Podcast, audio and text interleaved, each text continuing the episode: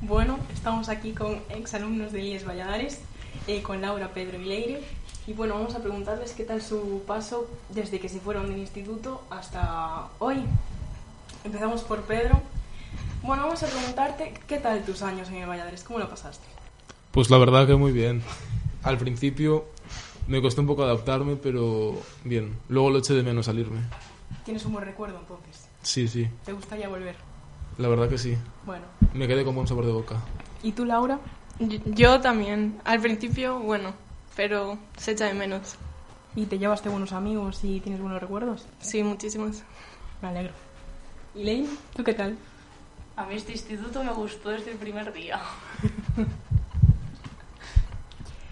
Em, bueno, ahora vamos a seguir. ¿Y vosotros, después de iros de, de aquí, a dónde fuisteis, Pedro? Yo me fui a BADE porque no me quedó otra, básicamente.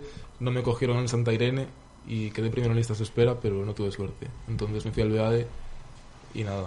Allí, ¿Haciendo qué? eh, sociales, con Bachillerato. mates aplicadas y economía. Muy bien. ¿Y tú, Laura? Yo me fui al Santa Irene a hacer sociales también.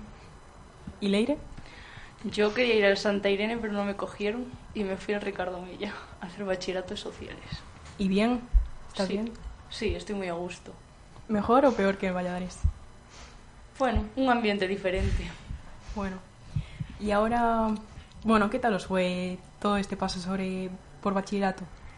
Pedro. Eh, bueno, a mí bien, la verdad. Yo creo que si llevas bien la ESO, bachiller no es tan difícil. ¿No?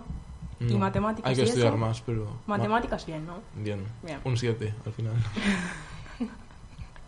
¿Y tú, Laura?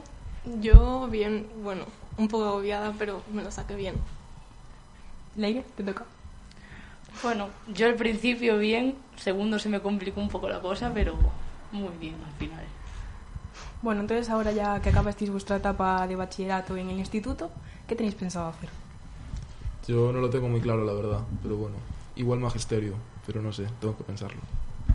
Laura, ¿tú qué quieres hacer? Yo un grado en marketing o comercio. Leire, Yo no lo tengo muy claro, pero voy a hacer un ciclo superior. muy bien. Y ahora, bueno, aún nos queda la prueba BAU. ¿Cómo la veis? ¿Tenéis miedo? ¿La lleváis bien? A ver, un poco de miedo siempre se le tiene, pero bueno, yo creo que no es para tanto. Yo estoy un poco asustada, pero lo llevo bien. Yo estoy muy tranquila porque la voy a hacer por hacer. Bueno, pues me alegro de que todo os vaya bien. Y pues nada, que nos ha gustado vuestra visita y que a ver si nos hacéis más, ¿no? Ahora que ya acabó. Venga.